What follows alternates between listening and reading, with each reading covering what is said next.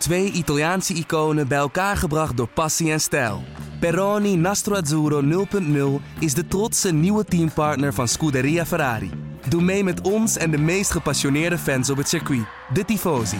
Samen volgen we het raceseizoen van 2024. Salute, Tifosi!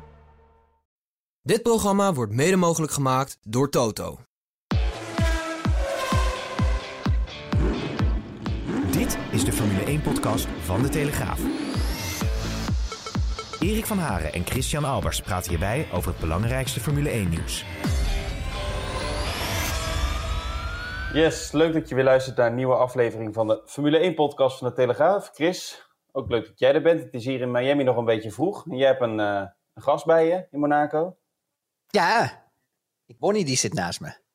Ja, dat is niet even voor de duidelijkheid, ook van je vrouw luistert altijd trouwen, niet een nieuwe affaire of een minnares, maar... Dat is ja, ik ben, me, ik ben me een beetje aan het voorbereiden. Want Bonnie zit hier naast me. We hebben twee van die Franse bulldogs.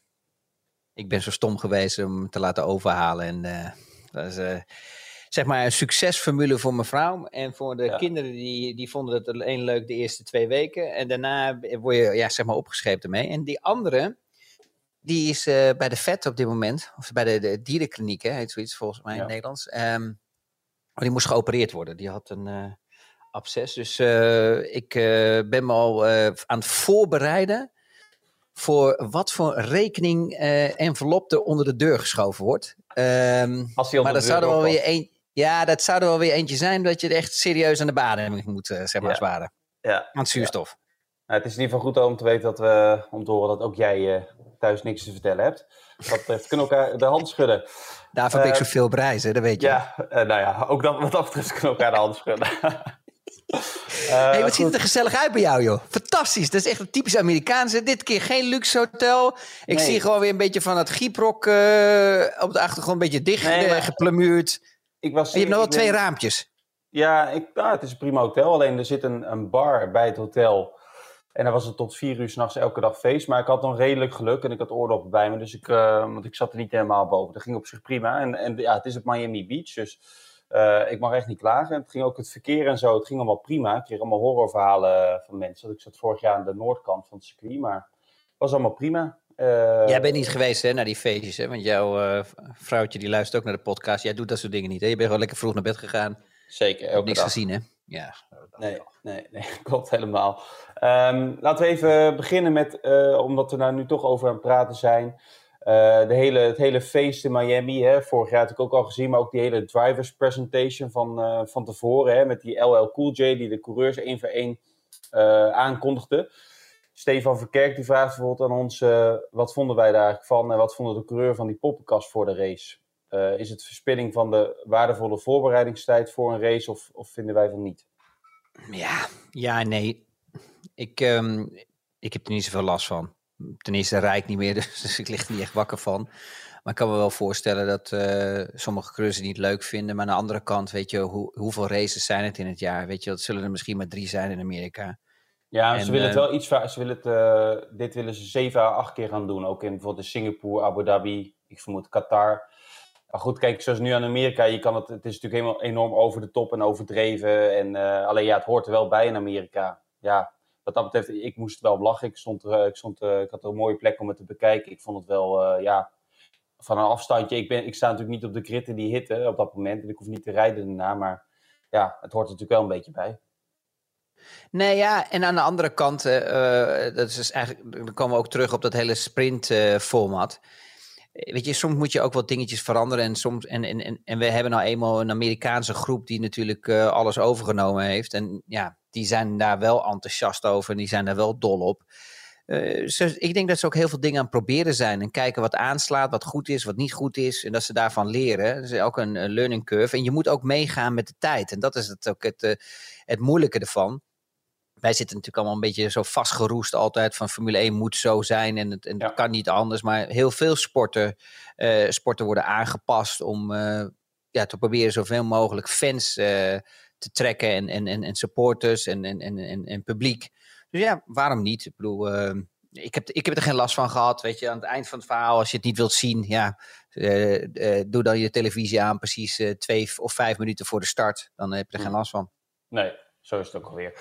Ja, we hebben Verstappen natuurlijk vorig jaar al zien winnen vanaf plek 14 op Spa, vanaf plek 10 in Hongarije. Nu vanaf de negende startplek in, uh, in Miami met uh, Perez vanaf Pol. ja, was je nog enigszins verrast? nee, Perez hij had, heeft gewoon goed gepresteerd in Baku. Maar hij heeft ook gewoon wat geluk gehad. En dat geluk kan eigenlijk overal zijn. Ten eerste kan zijn dat hij gewoon echt zijn weekend had, dat hij goed presteerde. Tweede, de afstelling van Max Max heeft misschien het gevoel gehad dat de auto goed was, maar blijkbaar niet goed genoeg om echt gewoon uh, um, ja, met zijn vuist op tafel te slaan. Kijk, en als dat soort dingen allemaal uh, ineenvalt, uh, dan, dan komt perfectie naar boven. En dat heeft eigenlijk dat weekend Perez bezorgd naar een overwinning. Als je nu gaat kijken naar Miami, ja, dan zie je gewoon duidelijk natuurlijk weer waar bochten komen en waar je echt weer naar een technisch circuit gaat dat gewoon Max gewoon in een andere league is. En dat je gewoon echt weer dat verschil ziet van die 3, 4, 5 tiende. Ja, en als je dan gaat kijken in de race. Ja, ik was niet uh, verbaasd dat hij zou gaan winnen. Omdat ten eerste, um, en waarom niet? Omdat gewoon Red Bull op dit moment de snelste auto heeft van het veld. Hè? Uh, dat weten we allemaal. En, en de vraag is hoe lang houden ze dat? Maar ik, ik, ik ben bang ervoor dat ze dat echt het hele jaar blijven houden. Al, al moet ik zeggen dat Ferrari wel hard uh, aan het werk is aan de winkel. Hè? Ze, ze komen wel continu met, met updates en ze proberen elke keer wel de auto te verbeteren. Maar ja, als je dan gaat de, de, race gaat analyseren, ja, dan is het gewoon heel simpel. Je ziet gewoon dat Max die overhand heeft van die, van die drie, vier tiende. Ja, en dan helemaal in de race, hij start op een harde compound, wat nog eens een keer extra voor zorgde, die snel was. En dan zie je op een gegeven moment ook echt het, gewoon het kaliberverschil. En, en, en, het probleem gewoon bij Perez is, is dat hij gewoon die constant, die, hij is gewoon niet constant. Hij kan niet constant diezelfde rondetijd rijden. En dat, dat zie je bij Max Max, daar zit maar echt per ronde maar een tiende tussen.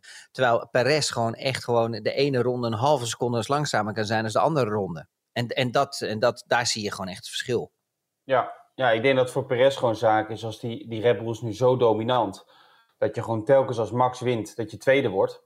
En als je een keer uh, als Max kruimers had liggen, dat je die opraapt. En uh, of het nou is dat Max een fout maakt, zoals zaterdag de kwalificatie, uh, of een, een technische issue heeft. En dan kan het natuurlijk best wel lang spannend blijven, in ieder geval papier. Want dan kun je best dichtbij blijven.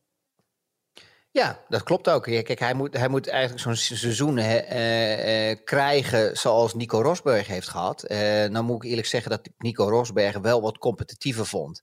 Ja. Um, na Lewis Hamilton. Die races dat jaar volgens mij uit mijn hoofd. Ja, ja en die was gewoon, die was, weet je, Nico was echt gewoon geen slechte kleur. Die, was, die, die had het goed voor elkaar. Dus die kon het best wel opnemen tegenover Lewis.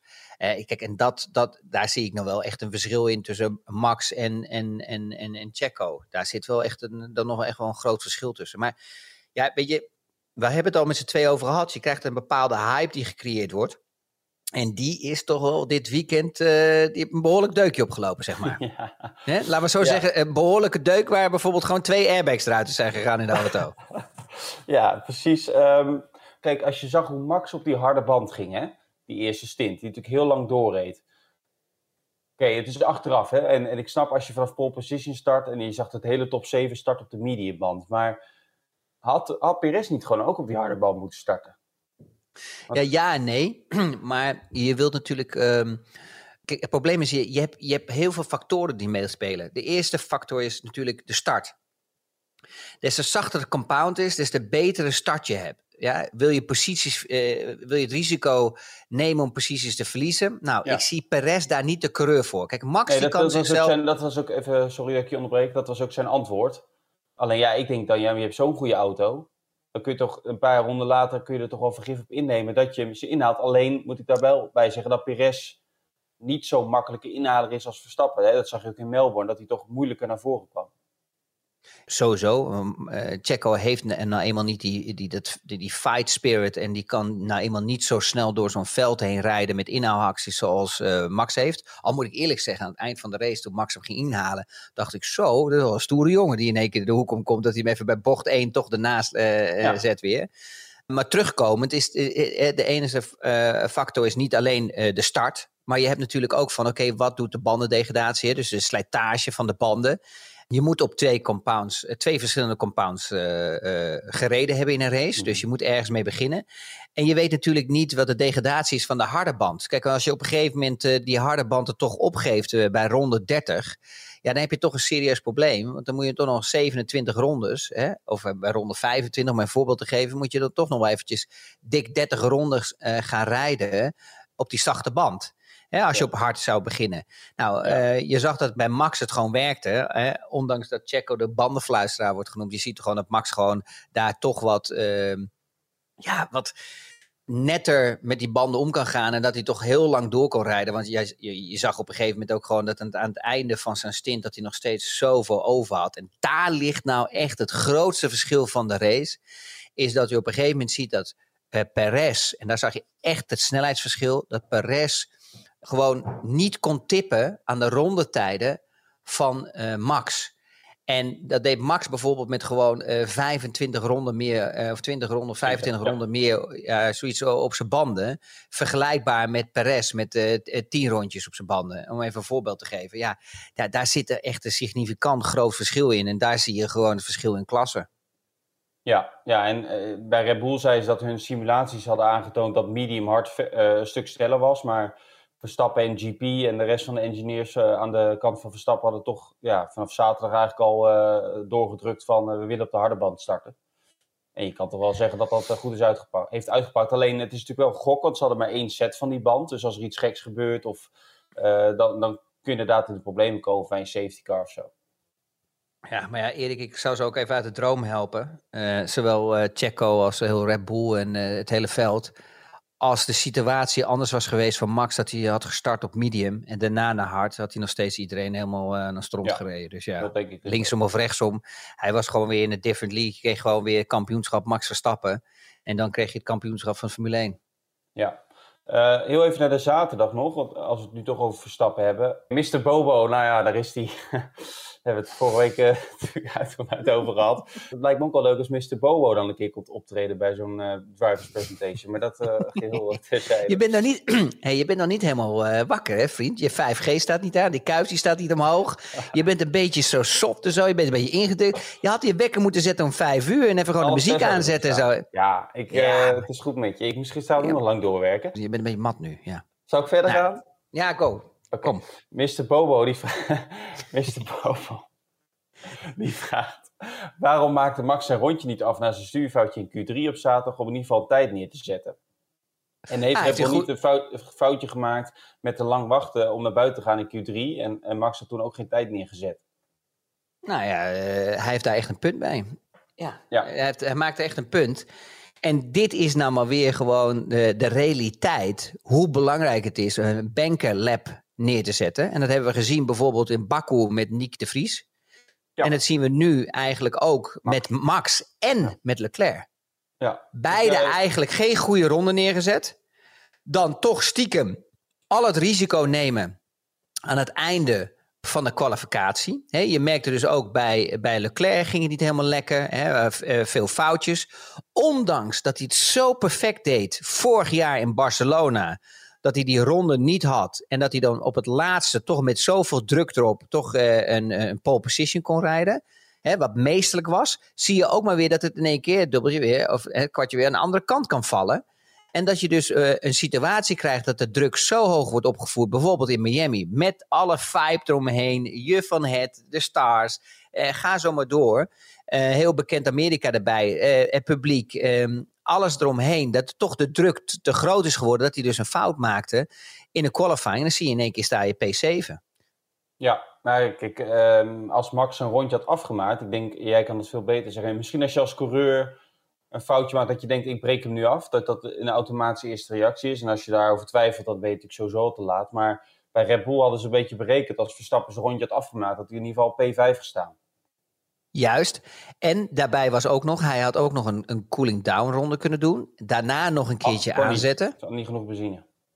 Oh nee, dat klopt, ja. Benzine. Tijd nog wel, maar benzine niet. Klopt. Dus ze moesten weer tanken. Dus ze, ze, konden niet, ja, je hebt gelijk. Zij, ze, ze zeiden van, uh, als hij naar binnen was gekomen... Kijk, normaal, je gaat dan niet gelijk naar buiten. Maar Toch nog scherp zo om uh, zes uur s ochtends, hè, in uh, Miami. Kanon. Als hij eerder naar buiten was gekomen... Hij kwam al redelijk op tijd naar buiten. en dus een stuk voor Leclerc. Dan was de kans dus nog groot geweest dat iemand af moeten breken. Omdat Leclerc bij een crash. Had hij in, in de sector 3 had hij hem af moeten breken. Een rode vlag.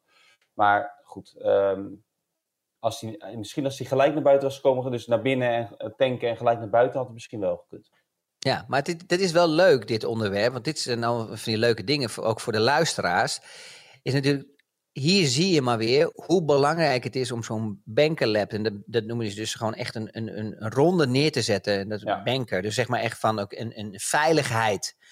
Dat je erbij staat, dus wel risico nemen, maar niet te veel risico. Hè? Die, dat, dat, dat, dat grote risico neem je de allerlaatste ronde. Hè? Dan, dan geef je jezelf nog net even wat meer. Je gaat er echt helemaal voor zitten. Maar dat je gewoon een zekerheid hebt dat je gewoon een redelijke tijd gereden hebt in die qualifying. En dat is belangrijk. En dat, is- en dat zie je nu bijvoorbeeld dit weekend. Ja, dat is desastreus geweest. Het had desastreus, oh, sorry, het had desastreus kunnen worden op de zondagrace als Max niet die overcapaciteit zou hebben in die auto hè, in combinatie met zijn talent. Dat is de realiteit. Ja, ja ik denk ook, het is ook niet de eerste keer dat het hem overkomt. Of dat in ieder geval een, een betere kwalificatietijd wordt, wordt gedwarsboomd door een rode vlag. Eh, dus ja, dat, dat, dat we zo. Ik vond het wel goed dat hij dat. Hij had zaterdag heel makkelijk kunnen zeggen dat hij pech had, omdat hij geen tweede run kon doen. Maar hij stak toch tand in eigen boezem dat hij zelf het foutje maakte. Maar goed, Ja, maar zo uiteindelijk, is hij ook. Uiteindelijk moeten we wel blij zijn daarmee. Denk ik voor de race, anders is het helemaal saai geweest. Als die, eh, Maar hij maakt-. Maar dat- dat- zo is hij ook. Maar hij maakt ook gewoon twee fouten. Hè. Het was Ja. eh, eh, door de chicane heen, die snelle chicane. Hè. Daar zag je al zeg maar, een overzet ook hè, over de curb. Dat hij nerveus werd met een klein beetje overstuur. Maar ja, daar praat je over een tiende, misschien een anderhalve tiende. Nou, die marge heeft hij altijd. Ja, dan probeert hij, wat er dan gebeurt is, dan probeer je dat goed te maken met het aanremmen weer. Hè, ehm, op dat moment. Eh, voor de volgende bocht, de volgende combinatie die eraan gaat komen.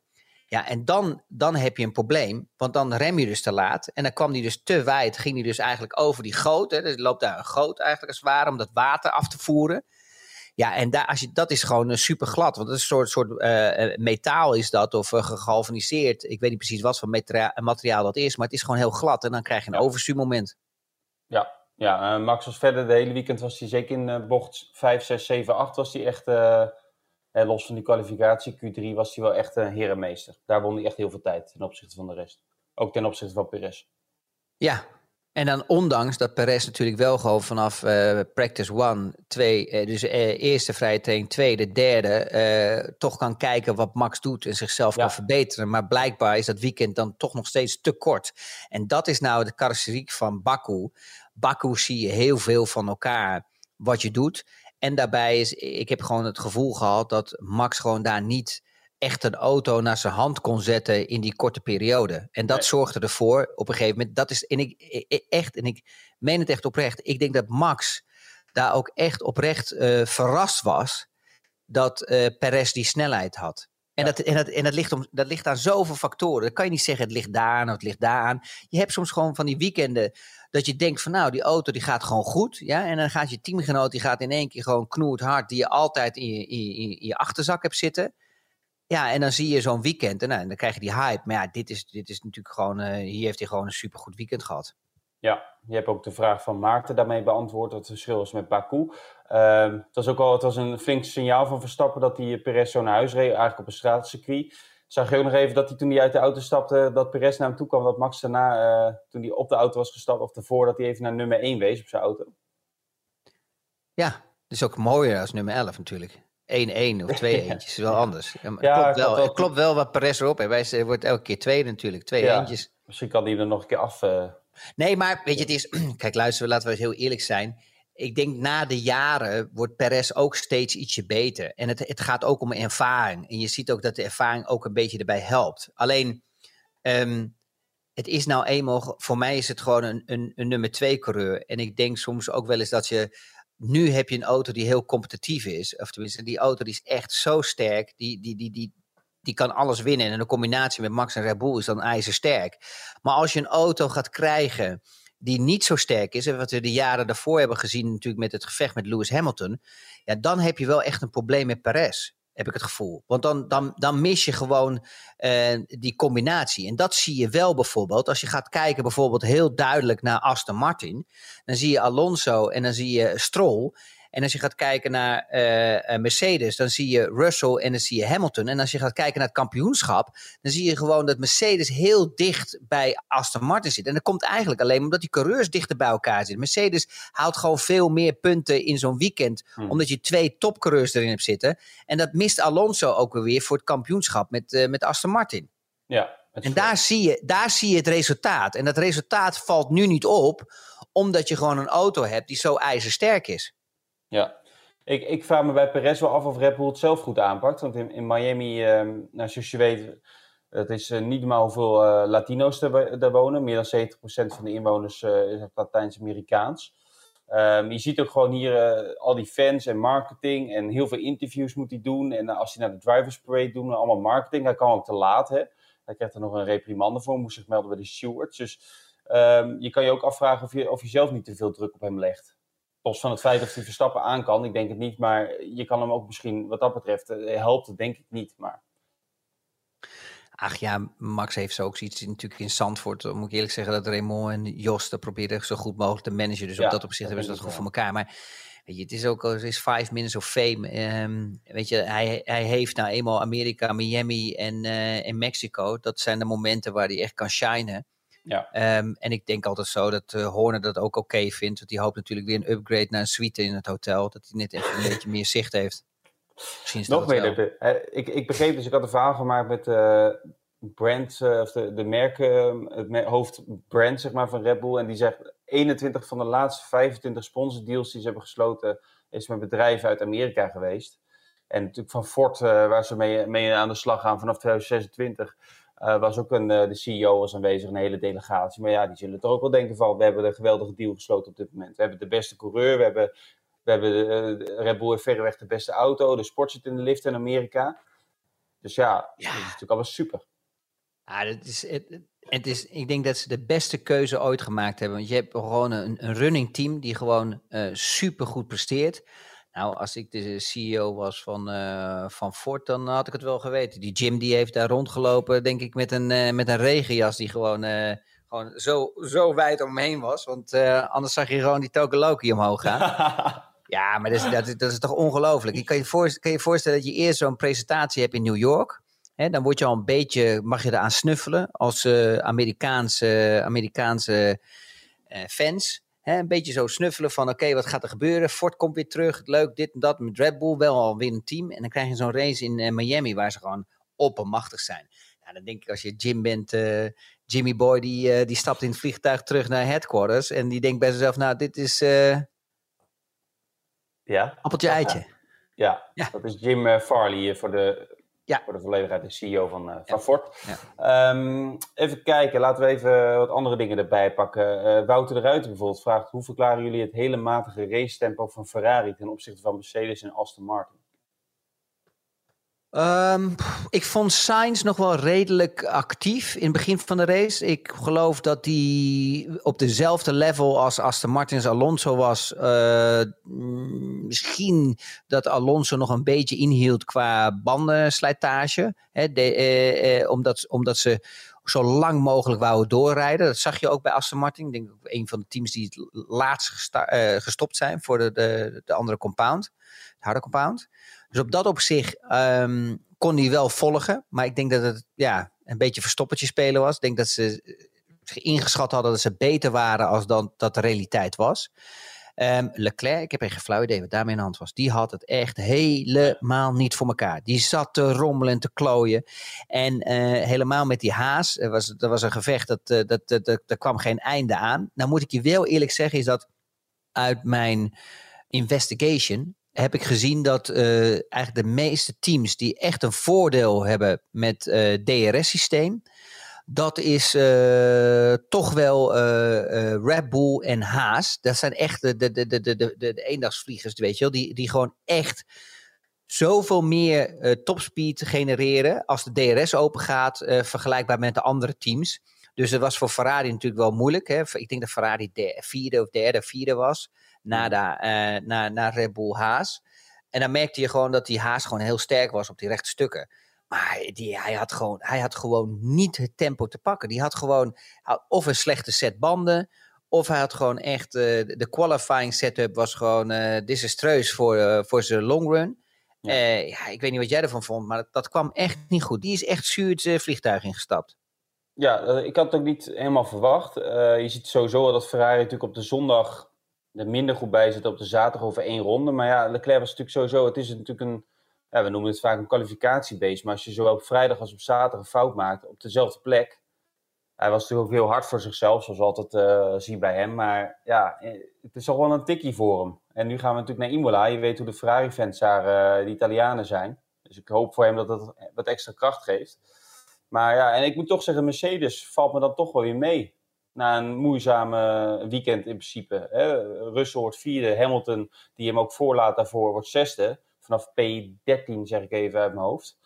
Dat viel me dan nog alles mee. Weet jij dat nou, ja, ik vond ze heel slecht. Want kijk, weet je, het is op een gegeven moment wordt een hoop heisa weer gemaakt van alle uh, developments uh, en alle upgrades die zijn gekomen. Nou, die komen uh, nog, hè? Ze hebben nog ja, maar ze hadden er, jawel. Nee. Jawel, ze hebben nog wel wat dingetjes gebracht, maar nee, hebben ze niet aan de klok gedaan. Imola komt de grote, komt de grote. Ja, dat klopt, maar ze hebben wel wat gebracht tenminste. Dat ja, heb ik van mijn grote vriend hier gehoord. Maar oké, in ieder geval. Ja, niet, dus... dan dat in Baku hebben ze iets meegenomen. Maar dat heeft ja. bijvoorbeeld ook gedaan. Ja. Uh, Miami niet, volgens mij. Maar in Imola, dat, wordt dan, uh, dat moet de grote jongen worden. Ah, nou, we moeten even checken. Maar hij, hij, in ieder geval, uh, de chef zei tegen mij van dat, hij, dat ze wat mee gingen nemen. Maar moeten, we kunnen toch zien bij de VIA papieren? zien we toch gewoon wat ze Ja, maar dan moet ik ook altijd zeggen dat, dat ze daar vaak teams ook nog wel eens een loopje mee nemen. Hmm. Maar goed, daar zie je wel wat voor upgrades. In, in Miami en dan bijna niemand wat mee. Dat zie je vaak die overzeese race. Maar uh, Baku wel, daar Mercedes ook op mee, daar heb je gelijk in. Maar Imola moet echt, uh, dat zal voor veel teams gelden. Maar want Mercedes wilde juist in Baku niet te veel doen, omdat je daar maar één training had. En ook op ja, en dat ze bang zijn dat het, uh, alles kapot wordt gereden. Dat ja. schiet ook helemaal niet op in. Maar vooral natuurlijk als je natuurlijk loopt te klooien met een setup. Je hebt gewoon te weinig tijd om die auto goed af te stellen. Helemaal met nieuwe onderdelen, daar heb je tijd voor nodig. Ja. Maar ik vond ze in de qualifying echt heel slecht. Ze hadden ja, nee, echt niet voor elkaar. Dan, eh, dan op een gegeven moment zie je dat ze in de race gewoon een auto hebben die ja, wel gewoon wat constanter is. Hè? Wel beter als de Aston Martin, voor mijn gevoel. Alleen dat de achterstand was te, te, groot, te, te, te, veel opgelopen, waardoor ze niet meer die aansluiting konden vinden. Hè? Safety car zou daarmee ja, kunnen helpen. Nou, dat is natuurlijk gewoon oerzaai qua safety cars. Want als je er over na gaat denken, we hebben, we hebben gewoon niks meegemaakt. Al, al um, finished. Ja, en het positieve ervan is dat je een Lewis Hamilton he, uh, uh, erbij hebt in het team. Ja, dat is eigenlijk gewoon een Max Verstappen. Die blijven gewoon doorgaan tot en met gewoon de laatste ronde. Dan moeten ze hun tong eraf bijten. Ja, ze blijven doorvechten. En dat was het positieve ervan ook. Dat hij zo, hè, eigenlijk was hij iets te laat naar die nieuwe set mediums gegaan. Dat, daar had hij al iets meer uit kunnen halen nog. Maar ik denk dat ze dat te risicovol... En ze zijn natuurlijk ook aan het gokken op dat er een safety car komt. Of een virtual safety car. Waardoor je dus echt tijd spaart met die, met die pitstop. Ja, het is een beetje het eh, kip-en-ei verhaal. Je, je zit er tussenin. Wat doe je? Ja, je wilt zo lang mogelijk doorrijden om te kijken of er een safety car of, of een ongeluk gebeurt. Waardoor je dus een, zeg maar, een soort gratis pitstop krijgt of een iets mindere pitstop. Maar ja, als je dan gaat kijken, ja, doordat hij is blijven rijden, doordat hij uit het verkeer is gebleven, eh, ondanks dat hij wel een paar keer opgehouden was. Ja, Russell kwam gewoon perfect uit met de, met, met, met de pitstop in, de, in het veld. Daar, dat, die, die, qua strategie zat die, zat die helemaal fantastisch, Russell. Ja, en, en, en, en ja, uh, Lewis had gewoon een beetje pech daarbij. Ja, ik vond ze niet. weet je, het is. Ik vond ze, niet. Heel slecht, ze waren heel slecht, maar ik denk als je dan vierde en zesde wordt, dan beperk je de schade nog enigszins. Ja, maar ze, ze werden ook vierde en zesde, daar moeten we ook realistisch in zijn. Uh, um, um, uh, Sainz, die, lat, die zat te rommelen natuurlijk hè, met de pits binnen, binnenkomen rijden. Ja. Wat natuurlijk ook nergens op sloeg, maar vijf seconden. Hè, als je veel te hard rijdt. dat is ook wel eigenlijk een beetje... 2,2 kilometer was het. Ja, oké, maar al is het een halve kilometer, je mag gewoon niet te hard. Ergens moet je nee. die grens stellen. En vijf seconden was niet veel. Dan had je Leclerc, die er gewoon niet bovenop zat. Die gewoon echt zijn weekend niet had. Dus het is ook een beetje vertekenend. Ik dat denk klopt, dat ze ook ja, wel stiekem een beetje geluk hebben gehad.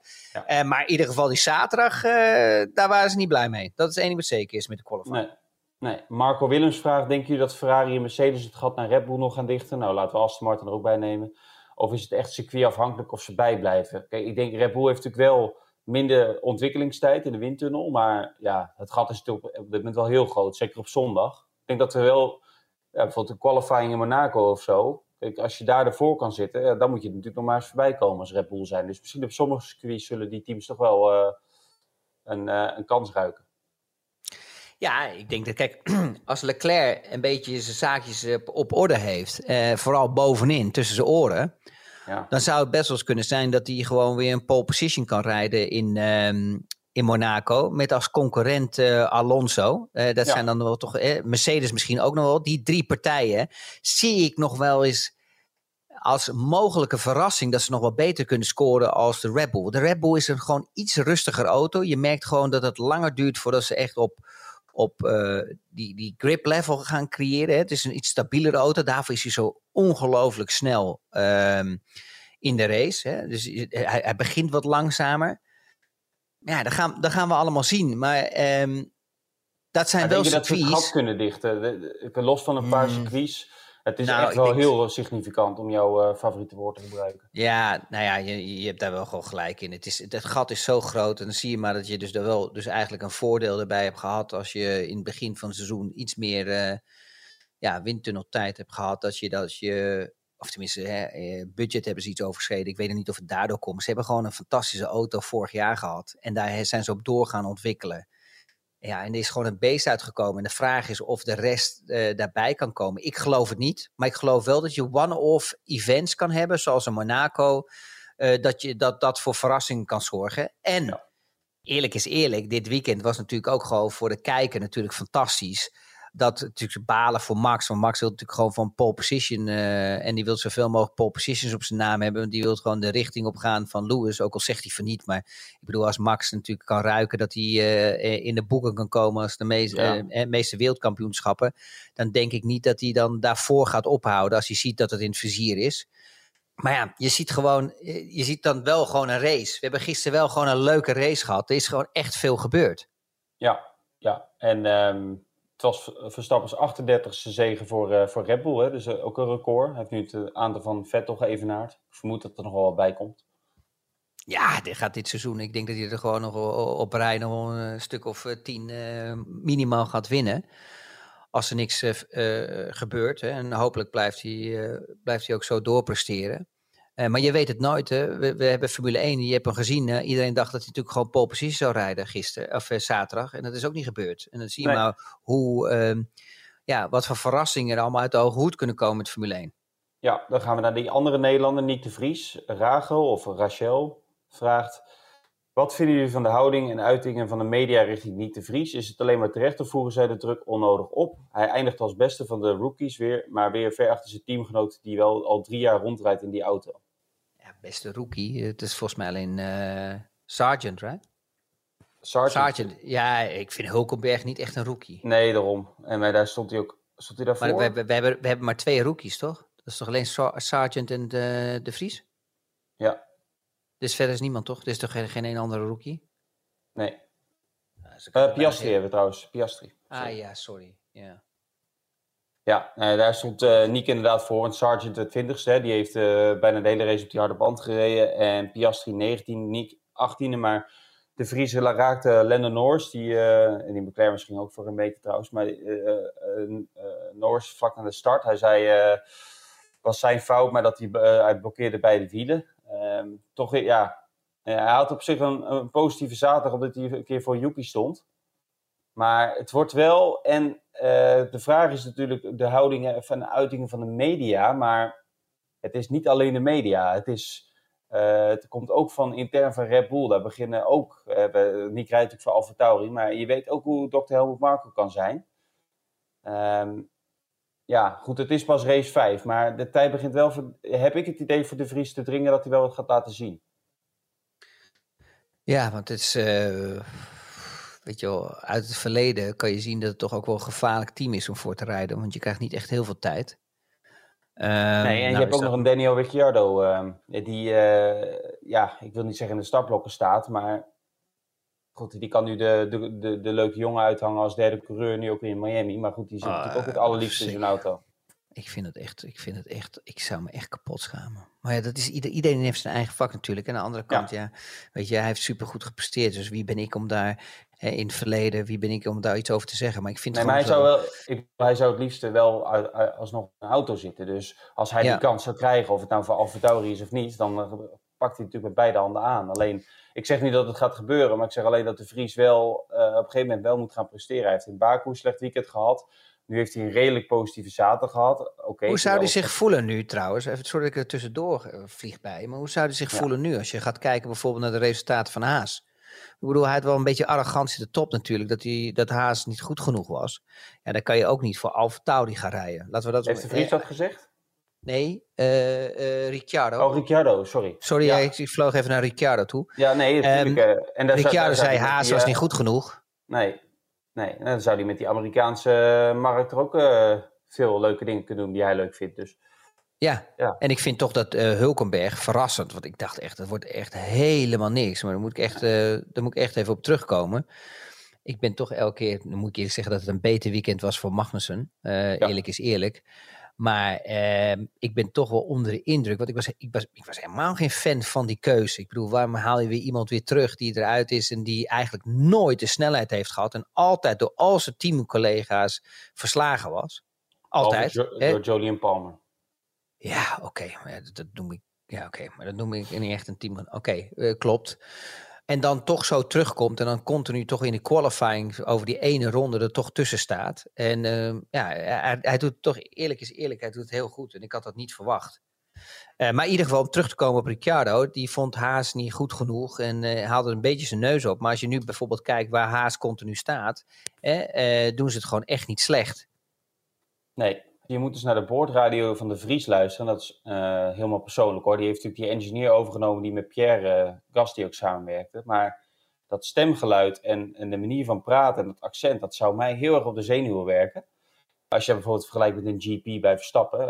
Uh, ik heb het niet even snel, ik, ik, vroeg hem gewoon eens af, maar hij zei dat hij er zelf helemaal geen last van had. Maar hij zei wel dat, mijn, dat zijn vader precies hetzelfde had gezegd als wat ik zei.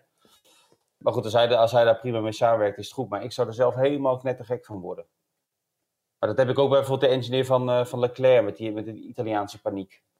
Ja, iedereen heeft, ja, ja, de ene voelt ze daar wel happy bij, de ja. andere niet. Dus het is natuurlijk altijd moeilijk in te schatten. Maar kijk, weet je, het probleem is, ik vertelde jou ook, ik had een, uh, ik had een, een interview gehad. Um, ik werd gebeld over Nick de Vries, of ik wat uh, kon vertellen over zijn prestaties en al dat dingen.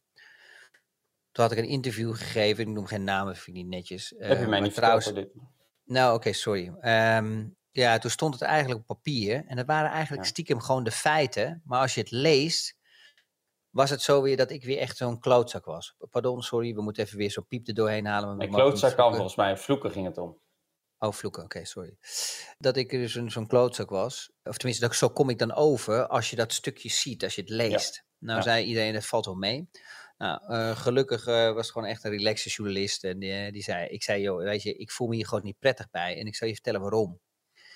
Ik vind als coureur zijn helemaal niet leuk als je zo'n weekend meemaakt. Ja, en eh, weet je, als je gewoon dertiende was geworden, dan was er geen stuk geschreven. Maar als er bloed is, weet je wel, dan is het altijd wel fijn om er iets over te schrijven. En in zo'n situatie zit hij op dit moment. En dat is gewoon niet leuk. En toen zei ik ook, weet je wel, van, weet je, doe mij, er waren ook nog andere analisten haal mij gewoon lekker eruit. Omdat ik vond het vroeger ook vervelend. Ik vond het vroeger ook vervelend als iedereen als een wise guy ging even vertellen wat er precies mis was. Want dat weet hij donders goed zelf ook. Aan de andere kant, je bent ook analist. Dus je moet ook af en toe wat zeggen wat je zelf denkt. En ik vind het heel moeilijk om daar die, die balans te vinden. Ja, snap ik. En daar iets over te zeggen. Want uh, weet je, ik ben niet uh, veel beter geweest. Ja, ik heb bijna alles gewonnen tot en met Formule 1.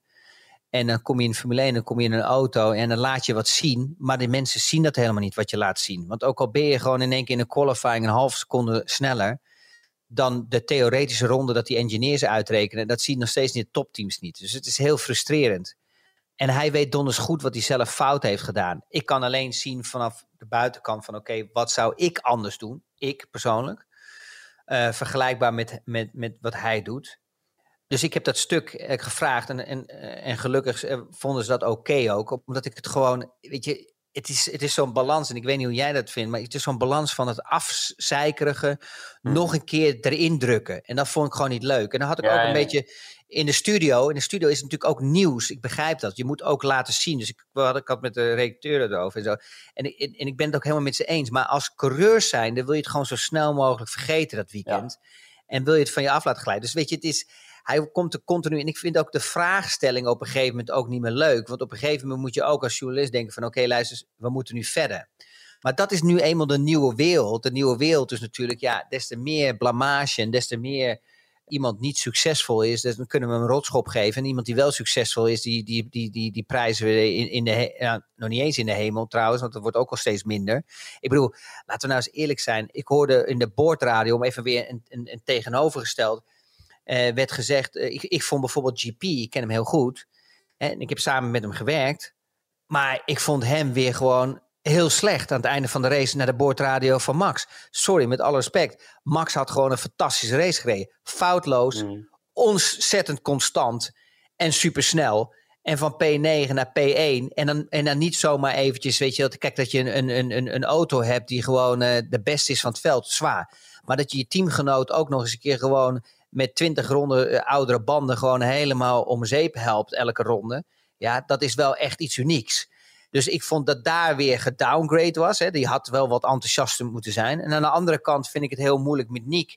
Ja, weet je, als je mijn opinie wilt weten, het was gewoon weer ruk dat hij er achterin rijdt. Je weet op een gegeven moment als je zo dicht, dichter achter zit, dat je nou eenmaal minder downforce eh, op dat moment hebt als de auto voor je. Ja, eh, eh, dat zijn allemaal van die kleine dingen. Um, hij heeft gewoon, hij heeft gewoon zeg maar die pechwolk boven hem. Die continu ja. erboven blijft. En het enige wat, wat ik kan zeggen uit mijn eigen belevenis, is gewoon van, fuck it man. Doe gewoon fucking alles uit. Instagram, bullshit, alle, al dat soort dingen stoppen gewoon mee. En focus gewoon op één ding. En weet je wel, ga terug naar de core. En de core is gewoon, have fun, focus je op het racen en ga daar doen. Want dan kan zo min mogelijk fout gaan. Maar ik had altijd, als ik, als ik slechte resultaten had, dan wou ik zo snel mogelijk gewoon dat vergeten. En zo snel mogelijk dat een andere race kwam. En hij had nu geluk dat Miami direct achter Baku was. Want stel je voor dat je nog een keer een pauze hebt van twee, drie weken. Dan loop je twee, drie weken met een gezicht op uh, eh, 12 uur, zeg maar, zware. Dat je, dat je denkt van, jezus, hoe snel kon die andere race komen? Want ik voel me zo slecht. Ja, maar ja, dan verloopt die race ook niet zoals je wil. Nee, ja, dat is, en dat is nu, dat is wat ik bedoel te zeggen. Hij heeft zo'n wolk boven zich, wat gewoon echt heel veel ja, pech nog heeft. En ik vraag me af of die, en ik hoop het ook voor hem, eh, tenminste, ik vraag het af of hij dat kan omzetten zo snel mogelijk. En qua snelheid zou hij dat moeten kunnen. Maar als je bijvoorbeeld gaat analyseren, kijk, als we vandaag uh, een max hadden, had ik precies hetzelfde gezegd. Als ik ga analyseren naar de qualifying, dan stond hij wel voor Yuki. Maar als je dan zijn tweede run in, in, in Q2 ziet, waar de baancondities beter zijn, waar je sneller moet zijn, dan is hij weer langzamer als die andere ronde. Dus hij is gewoon ook daarin, mist hij gewoon die constant, die, weet je, die, dat hij constant is. Mhm. Dat is, dat is uh, daar zie je gewoon nog dat, dat, dat hij dat gewoon nog niet helemaal onder controle heeft. Nee, duidelijk. Uh, ik, ik snap ook je worsteling wel, omdat je vroeger misschien zelf ook had als, of worsteling, maar dat je als coureur, uh, als je dan een minder weekend hebt gehad, dat je niet zit te wachten op die wijsneuzen van de buitenkant die uh, nog even gaan vertellen hoe je het wel moet doen. Dus ik denk dat Nick er ook goed aan doet. Dat, doet, dat zegt hij zelf ook. Dat hij, maar ja, zegt, elke sportman zegt dat, dat hij nooit iets leest. Maar ja, dat geloof ik nooit helemaal. Uh, doe je altijd. en, en er is altijd wel iemand die het tegen je zegt ook. dat is ook het ja, vervelende altijd. Dus als je het niet leest, dan zegt wel iemand het tegen je. Ja, maar laten we het hopen dat, het, dat hij het om kan draaien. Uh, het is natuurlijk wel, Formule 1 is natuurlijk ook, dat, dat is ook als journalist natuurlijk wel zo. Je moet wel, Formule 1 is natuurlijk zo'n technische sport en niemand vertelt in interviews of persconferenties altijd uh, laat het achter van zijn tong zien. Dus dan gaat het erom dat je de juiste mensen spreekt, engineers of mensen om een coureur heen, die een beetje wat meer achtergrondinfo kunnen vertellen. Want dan uh, kunnen, kunnen melden, want dan krijg je eigenlijk een beter beeld. Hè? Of je nou met GP spreekt, of jij met Mackies bij Ferrari, of met Jody bij Alfa Tauri, uh, of ik met engineers bij Red Bull, dan krijg je iets meer insight. En, en dat kun je ook dan weer vertalen in je verhaal of in, in deze podcast. Want uh, je bent toch een beetje afhankelijk van die informatie en van de data. Omdat je, ja. anders is het te uh, oppervlakkig wat je ziet. Denk ik. Maar ja, ik vind ook, uh, mijn persoonlijke mening, ik vind ook de Frans Toost ook niet echt sterk meer. Want die blijft nee. ook continu zijn verhaal aanpassen. Ja, gewoon, kijk, weet je, het is, hij heeft linksom of rechtsom, neem ik hem ook een stukje kwalijk dat hij de druk op uh, Niek heeft gelegd. En Niek heeft het ook stomweg gekopieerd. Had hij gewoon nooit moeten doen. Want ja, een tip van mij, uh, van de ouderwetse box. Weet je, op een gegeven moment wordt hij neergezet. of dat hij er met de meeste ervaring even moet komen. En dat Nick het wel eventjes moet laten zien. Het team ja. moet gaan leiden. Ja, ja, ja, maar dat is, gewoon, dat is gewoon echt verkeerd gepositioneerd door Frans Toost. Eerlijk is eerlijk. Hij had gewoon, hij, hij had gewoon vanuit een underdog-positie. En dat heeft Nick ook zelf.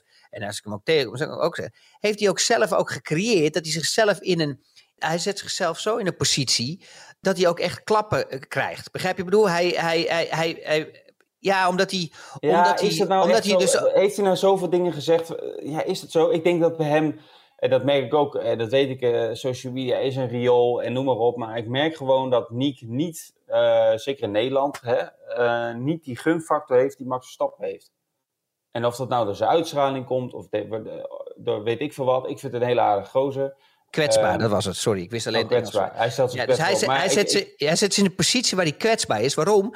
Als hij in het begin van het seizoen had gewoon gezegd: joh, luister eens. Dit wordt mijn eerste volledige Formule 1 seizoen. Ja, ik moet nog gewoon veel leren van het team. Ik heb veel getest. Ik weet, ik heb veel kilometers gemaakt. Maar het is elke keer een andere auto geweest. Ik kom op circuits waar ik eh, bepaalde, eh, waar ik niet eens geraced heb. Ja, dan kan je Ja. op een gegeven moment, bijvoorbeeld in Miami is hij nooit geweest. Dan kan je rustig, heb, geef je jezelf de tijd. Maar op een gegeven moment positioneert eh, Toast hem in die, in, die, in, die, in die positie. ja, Ja? dat- En hij neemt het over. En hij had er gewoon tegenin Ja. moeten gaan. Hij had gewoon moeten zeggen: joh, luister, eens, ho, ho, ho, even rustig aan. Ik bedoel, Tsunoda heeft al twee, drie jaar ervaring. Bla bla bla bla bla bla. Zo had het moeten gebeuren. Mm. En, dat, Ja, en dan ik- krijg ik- je dit soort maar- situaties. Nee, maar ja, als, als, dan wil ik hem omdraaien. Als, als dan dat gebeurt wat in Baku gebeurt of in Miami gebeurt. Zou dat dan heel veel uitmaken qua reacties van de, van de buitenwacht? Ik denk het niet. Want er- veel mensen zijn zo vluchtig en het is echt dagkoersenwerk. Die weten echt niet meer wat er in Bahrein is gezegd. Hè, Bahrein Nee, maar, maar, wel, maar wel met een andere situatie. Het probleem is gewoon. In Bahrein hij moet niet- Helmut Marko nog de vraag of Nick de Vries eh, een goede teamgenoot van Max Verstappen zou zijn bij Red Bull. Het is nu eh, eh, drie maanden later, volgens diezelfde mensen, kan die er geen kloten meer van. Ja, dat gaat allemaal iets te snel. Ja, maar en daarvoor is het, het- je bent zo goed als je laatste race die je gereden hebt. Er zijn maar vijf races geweest. We hebben er nog eh 17 te gaan, correct of niet? 18. Oké, 18 races. Hij moet gewoon zo snel mogelijk die negatieve eh, spiraal, eh, hij moet het doorbreken. Gewoon Ja. weg. Ja, spiraal is misschien verkeerd. weer. Ik zie weer. Nee, dat is, nee, die zijn goed. beneden. Maar je twijfelt of die goed was. Ja, toch. Ja, ik twijfel altijd op het Nederlands, ja. Goed, ik denk dat we wel... Ja, we zijn nog helemaal niet klaar. Nee, ik heb nog heel. Ik, je gaat me niet weer. Ik eh, luisteraars, ik heb een, weer heb ik mijn huiswerk gedaan gisteren. Ja, ik zou hem dan moet- even moet- snel. Luister, ik zou hem dan even snel oplezen, want anders begin je weer. eh, pff, Ja, maar even Ehm, kort. luister- niet- niet ja, heel- heel even niet- kort. Niet over de start van, Fout- eh, van luister, fout van- fout van Red Bull. Pitstop, Perez, vergelijkbaar met Max. Max had eigenlijk gewoon ervoor, uit, ervoor kunnen komen naar de pitstop. Maar verloor gewoon is 1,1 1,1 seconde langzaam. 1,1 seconde. Er is niemand opgevallen. Nou, mij wel. 1,1 se- Oh ja, jou wel. Ja, we praten ook echt. Ik, ik zit ook in een podcast met een professional. Dat is waar. 1,1 seconde. Gewoon even met de pitstop. Echt serieuze langzame pitstop eh, van Max. Vergelijkbaar met die eerst van. Perez. Niet voor het eerste dit jaar. Niet voor het eerste Nee, jaar. nee, correct. Eh, eh, maar maar dat, was wel, dat was wel momentum voor of ervoor uitkomen. klopt. Ja, of erachter. Klopt. Eh, dus op dat opzicht eh, had Max zo sterk gereden dat hij voor was. Hè? Maar ik bedoel, dat was even het, punt. Ja. Dan het tweede wat me opviel is dat eigenlijk de meeste inhaalacties allemaal in turn 11, hè? dus bocht 11 gebeurden. Dus bocht 17 was eigenlijk helemaal niet zo'n hype als dat we hadden. Ja. De inhaalactie van Max, of ik die geniaal vond op Leclerc en eh, Magnussen, vond ik wel meevallen. Want die twee die waren zo aan het vechten, die hadden helemaal niet eens in de gaten. Terwijl Max natuurlijk de meeste Ja. voor, ja, het meeste voor, eh, de meeste eh, eh, eh, snelheid krijgt als de DRS open gaat. Dus die pakt er in één keer twee auto's bij de eerste bocht. En dat, op zich was het voor hem natuurlijk perfect ook door de race, hè, waardoor hij dus die snelheid erin kon houden. Ik had eh, die Sainz-actie met eh, Alonso. Ik weet niet of die, die inhaalactie van Alonso, dat, je, dat, dat Sainz dan ook weer van zo ver afkomt met een overstuurmoment. En je denkt van, nou, ik vond ook dat hij echt afzakte door de race. Hè? Merk je dat? Dat hij weer in zo'n dip kwam. Hij, hij heeft die constantiteit heeft hij niet in zo'n race. Hij kan Nee. niet die rondes aan elkaar plakken. En datzelfde heeft ook eh Perez. Ja, en Alonso en zeker Verstappen hebben dat natuurlijk een stuk minder.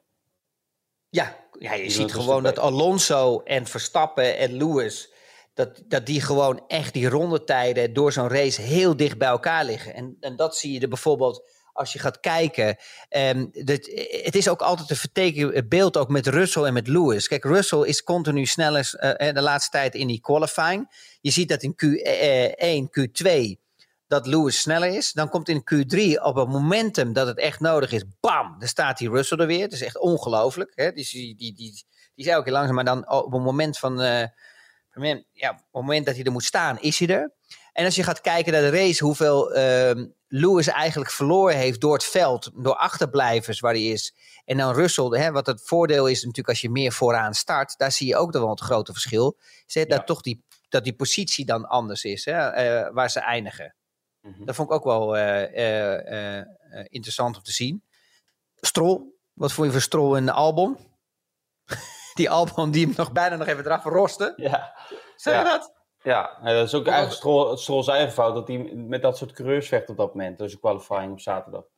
En de mooiste actie van het weekend, eerlijk is eerlijk, was Tsunoda op Bottas Ja, in bocht 17. ja vond ik ook. Ik bedoel, hij is, niet zo, hij is niet zo groot, maar hij heeft wel grote dingen hangen in zijn in zijn boxershort. Want het is on- ik vond het wel knap, moet ik je eerlijk zeggen. Ja. ja, die reed ook gewoon nog naar P11, hè? nog net buiten de punten. Ja, ja, ja, maar daar zie je weer het verschil, weet je wel. Dat zit je er zo close bij, dat als er eentje uitvalt of er twee rijen tegen elkaar aan, bam, heb je gelijk weer een punt. Het is natuurlijk niet Ja. makkelijk in die Alfa Tauri punten te scoren. Nee, Ehm, dan had ik Gasly. Wat vond je daarvan dan? Hoe vond je die, die laatste rondes met, eh, met Leclerc en met Lewis dan?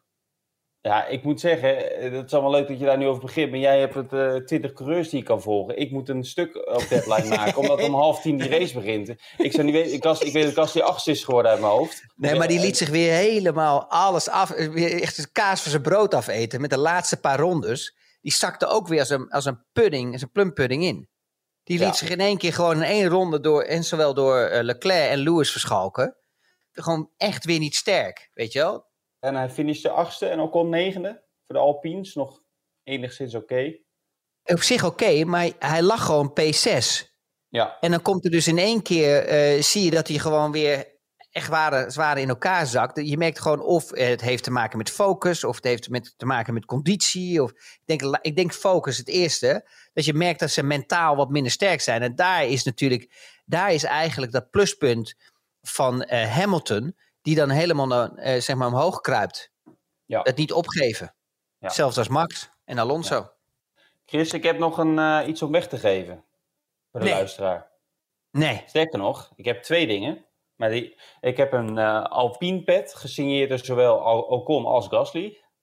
Net Oh, ik heb net. Gasly helemaal afgemaakt bij de Ja, rond. Maar laten die later even weggeven. Maar ik heb ook Wachten nog, we tot eh, hij een goed resultaat behaalt. Ja, die geven nog ze, even- die- die hou ik nog even vast in mijn koffer. Maar ik heb ook nog, eh, wel leuk, eh, na afloop, ziet mensen zeggen altijd eh coureurs champagne spuiten, maar dat is tegenwoordig Ferrari Trento, dat is mousserende wijn. En eh, je hebt nu een speciale Zandvoort-editie daarvan. Zo. Hè? Wel, eh, wel leuk. En daar kunnen we een eh, exemplaar, dus een limited edition, daar kunnen we een exemplaar van, eh, van weggeven. Dus dat is natuurlijk eh, leuk. Mag ik dan ook meedoen of niet? Ik heb een fles voor jou, eh, ik heb voor jou een aparte fles beschikbaar. Wauw, top man. Ja. Top. Nee, jij drinkt toch niet? Nee, maar ik vind het wel een gaaf fles. Het ziet Ja. er heel stoer uit. Nee, dat is absoluut zo. Ehm, dit moet ik even zeggen met dank aan Wouter Kunkelen met name van eh Goes en Zwijnen. Die heeft dat eh, aangeboden aan ons, eh Ferrari Top. Trento. Dus bedankt daarvoor Wouter. Dankjewel, en- Wouter. En, en Goes en Zwijnen. Ehm, nu heb ik een prijsvraag bedacht. Weet je het goede antwoord daarop? Stuur, die, stuur je antwoord naar podcast.telegraaf.nl podcast.telegraaf.nl En dan kunnen we over twee weken na de race van Imola wel een winnaar bekendmaken. Mijn vraag is, ja, ik moest even snel wat bedenken. Ik hoop niet dat je me nu gaat afkraken. Anders, eh, want jij, jij komt nooit met een idee. Ehm, op welk circuit, die nu niet op de kalender staat... en eh, waar, waar het een beetje realistisch is om met een Formule 1-auto te rijden... zou Max Verstappen graag willen racen? Zo, dat is een goede vraag, man. Ja, Die weet ik niet eens. nee, nou... Moet ik er nog een tip bij geven? Of een Nee, nee, nee, nee, nee. Laten we het eerst gewoon, heel moeilijk houden. wacht even af. Ja. Dus welk circuit die nu niet op de Formule 1-kalender staat dit jaar, eh, zou Max Verstappen graag willen racen met een Formule 1-auto? Dus niet eh, wat hij later wil doen of een GT3 of eh, Endurance, maar gewoon ehm, eh, nu in de Formule 1-auto staat nu niet op de kalender. En het moet natuurlijk een beetje realistisch zijn om het te kunnen racen, dus geen Macau of zo. Maar ehm, ehm, zou hij graag willen racen? Nou, denk dat ik hem zo duidelijk heb eh, gesteld. Heeft hij het al een keer daarover gehad met jou? In interviews of niet? Zeker, niet alleen met mij. Hij heeft het eh, afgelopen week nog gezegd. Oké, top man. Dus het is ook nog actueel. Dus niet dat, ze, dat hij in één keer van gedachten zal zijn veranderd. Dus ehm, nou top. Hey Chris, dank voor je tijd. Ik ga mijn koffer inpakken. Jij ook bedankt. En, eh, En, vooral bedankt aan alle luisteraars. Ja, En tot de volgende keer.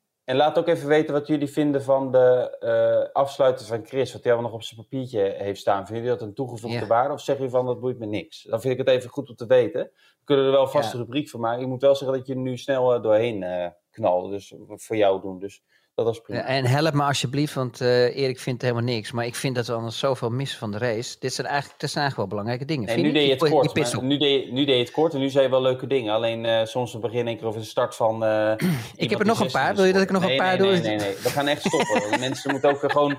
Je ziet die mensen al in die auto zitten die die podcast luisteren. Die blijven maar rondjes rijden om die podcast af te luisteren. Terwijl ze al thuis zijn. Die niet meer hebben, joh. Ja, ze liggen al met hun hoofd aan de linkerkant op het deurpaneel. Ja. Nou ja, Chris. In ieder geval niet zoals Eh, dat jij rijdt. Dat is wel nee. positief. We zijn over twee weken in Imola, of tenminste ik. En dan eh, maandag nemen we op. En dan die week daarna Monaco. Hè? Dus dat wordt onze feestweek samen. Ja, dat wordt gezellig, Monaco. Ja. Ja. Wordt een druk weekend. Leuke dingen gaan we doen allemaal. Toch of Goed. niet? Wij moeten ook eigenlijk wel iets verzinnen. Vind je niet? We gaan wel wat doen. Ja, we gaan jij moet ook een beetje creatief zijn. Laten we eens een keer kijken. We gaan de podcast gaan we gewoon in Monaco opnemen, gezellig. Nou, dat, ja, dat kun- ja ja, we hebben het er al over. Eh. Voor nu bedankt. Jij, Chris, bedankt. Jullie bedankt voor het luisteren. En tot over eh, twee weken. Graag tot dan. Bedankt allemaal. Dit programma werd mede mogelijk gemaakt door Toto.